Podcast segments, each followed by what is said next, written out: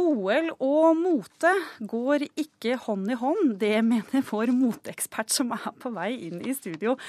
Armani, Stella McCartney, Ralph Lauren og Moods of Norway er bare noen av de få kjente moteskaperne som har designet OL-antrekkene til deltakerne under årets leker. Og da skulle en jo tro at verdens idrettsutøvere kommer til å ta seg særdeles godt ut under eh, de olympiske leker. Men Sissel Hoffeng, journalist og moteekspert i Dagsavisen, du har sett deg gjennom åpningsseremonien i år eh, til årets eh, sommer-OL, og hva er din dom? Jeg holdt på å si nå som vi hadde det så hyggelig. Dette syns jeg var sånn genuint jævlig. Hva var verst? Vet du hva, jeg, det, var mye, det var mye fælt å ta av. Det, det, er nesten vanskelig å begrense seg her. Det var noen ganske heslige greier, men jeg syns det aller, aller verste er den store kjedeligheten som preget de aller, aller fleste. At det liksom verken var fugl eller fisk. Altså, det er nesten bedre at det kommer inn noen sånne gærninger som, som disse russerne og spanjolene som hadde syke antrekk, enn en liksom et hav av kjerringkjoler og, og, fornuftige sko. Og det til tross, altså. Det har altså vært toppfolk som har stått bak de ulike landenes kolleksjoner, som jeg ramsa opp her. Eh, hva er det de ikke har fått til? Altså, jeg lurer på akkurat det samme som deg, fordi jeg har tenkt alle designere som blir spurt om å gjøre dette oppdraget, sier jo at det er et enormt eh, ærefullt oppdrag og, og stort. Og det er klart at du får kle de, de, flotteste kroppene i hele verden i en sending som hele verden skal se på. Jeg tror de blir helt sånn, at det blir sånn overveldet. Ja, man, for det er jo ofte det som skjer at når du må gjøre noe som er veldig, veldig alvorlig, så begynner du å legge så mange begrensninger på deg selv at du glemmer deg selv. Eller uten de har glemt seg sjøl i designprosessen og bare tenkt at æsj, jeg, jeg, lager dem litt som, som flyvertinner, så er det ingen som blir støtt, i hvert fall. Eh, hvis du skal liksom klare å liksom peke på Du sier det er kjedelig, det er dørgende kjedelig, egentlig. Men hva, hva er det du hva er det du hadde forventet? Altså, jeg hadde jo forventet at kanskje eh, klærne hadde et slags eh, noe sånn kontemporært Eh, fashion-preg over seg. At det, noe, at det var litt trendy, i det minste. At det hadde noe som helst føling med at dette var i 2012. Uh, og det virker som liksom, det kjedelige og konservative her er blitt brukt uh, som et påskudd på at man vil lage noe klassisk. Men det er jo ikke det som er å være klassisk. Å være klassisk er jo å klare å ta gamle ting og gjøre det nytt. Det er eh, ganske sånn strykkarakter over hele fjøla her, men, men det er et lyspunkt, og vi skal til Jamaica for det virkelige lyspunktet. Jeg ser nå smiler du igjen. ja, det er jo morsomt at det er Jamaica, for Jamaica er jo litt sånn Heyman-country, ikke sant? Med, med, reggae og mye annet kos. Eh, men eh, Jamaica var jo i hvert fall liksom, De var jo moderne. De var jo, det var klær man kunne gått i på gaten i dag. Det var, var litt sånn sportswear fashion. Og akkurat det syns jeg er så rart at ingen andre har klart å gjøre, nettopp fordi at sportswear er blitt eh, hverdagsplagg og arbeidstøy og klær vi går i overalt. Hva var det vi så når Jamaica kom ut der på arenaen? Det er jo klart at De ser kanskje hakket bedre ut enn mange andre også, da. men eh, de, kom, de hadde brukt flaggfargene sine. De er jo så heldige at de har uh, fine flaggfarger, grønt og gult, og, som, som passa veldig godt til de. Og de hadde eh, trendy eh, Damene hadde korte skjørt f.eks. over kneet. Var, de fleste andre hadde jo under kneet. litt sånne sporty jakker i, i sort og grønt, tror jeg de damene hadde. Gutta hadde gule skjorter og grønne bukser, eller om det var omvendt grønne skjorter og gule bukser. Og det var liksom klær du kunne Jeg kunne like godt ha sett de på liksom en konsert eller en festival eller rockefestival eller hva som helst. Eller på tur i byen, liksom.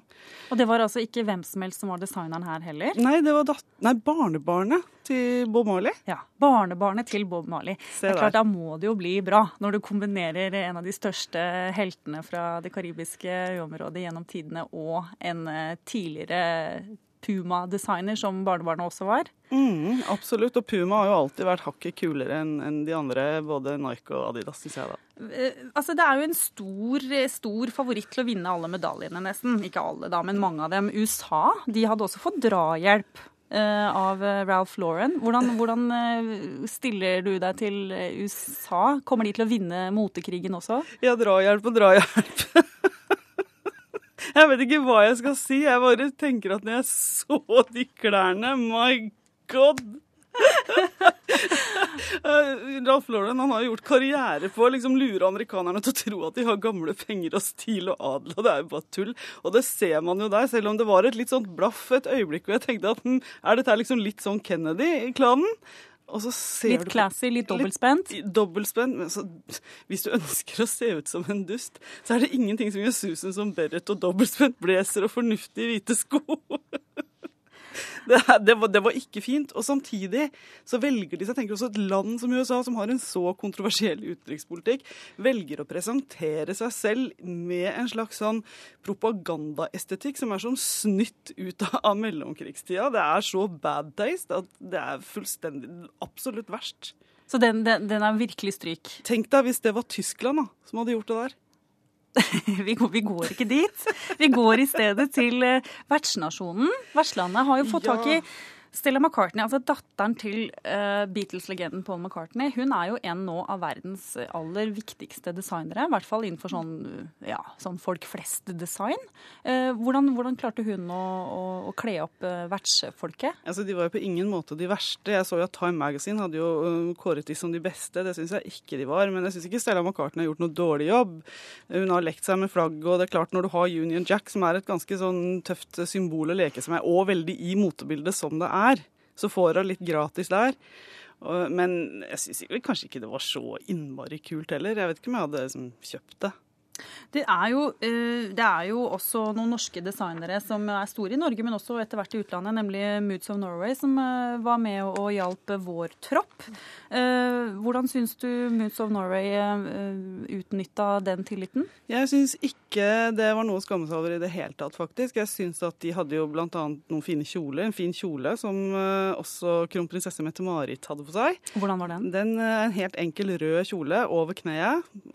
Ganske til en sånn marineblå blazer. Ganske, ganske, enkel og klassisk, men uh, kanskje litt flyvertinne. Men det, det, var i hvert fall i havet av disse andre kantebåndblazerne, så syns jeg det var ganske ålreit. Og så har Moods brukt uh, anledningen til å ta med sitt eget designpreg. De har ikke vært så i sjokk over å få det her oppdraget at de har glemt seg sjæl. Så de har liksom hatt, de har laga sånne morsomme ting som vi kjenner fra Moods of Norway, med sånn innapålommer med rare navn og påbroderte slagord og litt sånn. Så det er ikke de, det, altså, Norge kommer rimelig godt ut av det, i hvert fall om ikke i konkurransen, så i hvert fall på, på motekonkurranse. Ja, det var, liten, det var, en liten, tropp, men jeg syns de var ganske fine. Du, eh, altså En sånn oppfordring til neste generasjon eh, designere som får oppdraget, det ærefulle oppdraget, hva vil du si til dem? Jeg tror vel kanskje at det er vesentlig når designere skal gjøre en sånn jobb, at de på en måte skjønner hvorfor de blir bedt om å gjøre det at ikke, De må ikke glemme seg sjæl oppi det. Altså, hvis, hvis, du, hvis, du, blir betrodd å gjøre det oppdraget der, så må det være fordi at du kan et eller annet. Og da må du ikke legge det til side. Du må, du må ha trua, selv om du skal inn i idrettsestetikken. Absolutt. Og disse folka som du skal kle, er jo så flotte. Bare å kjøre på, tydeliggjøre fine linjer og muskler og lage kortene, skjørtene korte og, og, og, og mye, mye, hud, kanskje. Ja, så Prøve å lage noe som i hvert fall noen under 60 år kunne tenkt seg å ha på seg. Takk til deg, Sissel Hoffeng, for denne litt dystre gjennomgangen av de ulike påkledningene som deltakerne altså skal ha, når de er da ikke på banen, men eh, rundt eller på tribunen eller på, på fest.